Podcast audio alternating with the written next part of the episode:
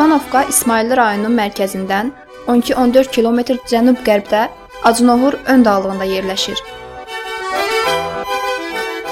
Kəndin əsası 1847-ci ildə Çar hakimiyyəti dövründə Qafqaza köçürülmüş ruslar tərəfindən qoyulub. Kəndin adı isə onun yaradıcısı olan kəndçi İvan Perşinin şərəfinə qoyulub. 1930-cu ildə İvanovkada o vaxtlar hər yerdə olduğu kimi kolxoz qurulub və o bugünkü günə kimi öz fəaliyyətini davam etdirir. Kolxoz bazarlıqlı işçi və uzaqgörənliyi ilə seçilən e, Nikolay Vasilyeviçin adını daşıyır. O kolxoza 1994-cü ilə kimi düz 41 il rəhbərlik edib. Kənddə ruslar, Ukraynalılar, yəhudilər, tatlar, ləzgilər yaşayırlar. Lakin İsmailin İvanovka kəndinin adı çəkiləndə ilk yada düşən Malakan anlayışı olur.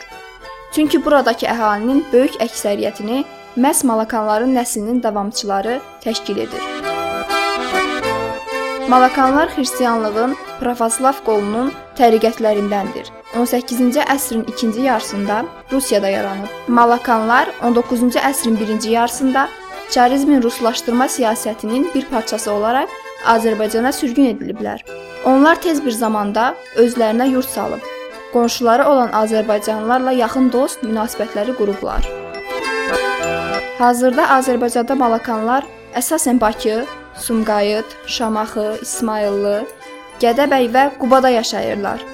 İsmayıllıda yaşayan malakanlar, yəni İvanovkalılar üzümçülük, taxılçılıq və heyvandarlıqla məşğul olurlar. İvanovkanın çaxır, pendir və sair kimi məhsulları daxili bazarda öz yerini alıb.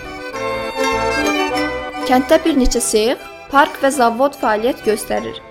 Bakıda yerləşən İvanovka mağazasında bu kəndin ekoloji təmiz məhsulları satışa çıxarılır. İvanovkanın ən məşhur brendi eyni şərab, xama, günəbaxan yağıdır.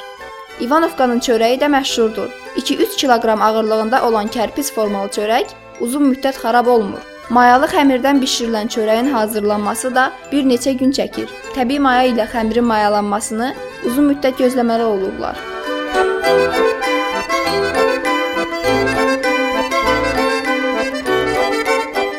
Kənddə geniş qeyd olunan bayramlardan biri də 9 may qələbə günüdür. İldən ilə sayları azalsa da sağ olan veteranlar və onların ailələri mütləq hər il bu gün hərbi parad kostyumlarını geyinir, medallarını taxır və Böyük Vətən müharibəsi abidəsinin önündə toplanırlar. Kənddə məhsul bayramı da keçirilir. İvanovkadakı digər bayramların hamısı dini xarakterlidir.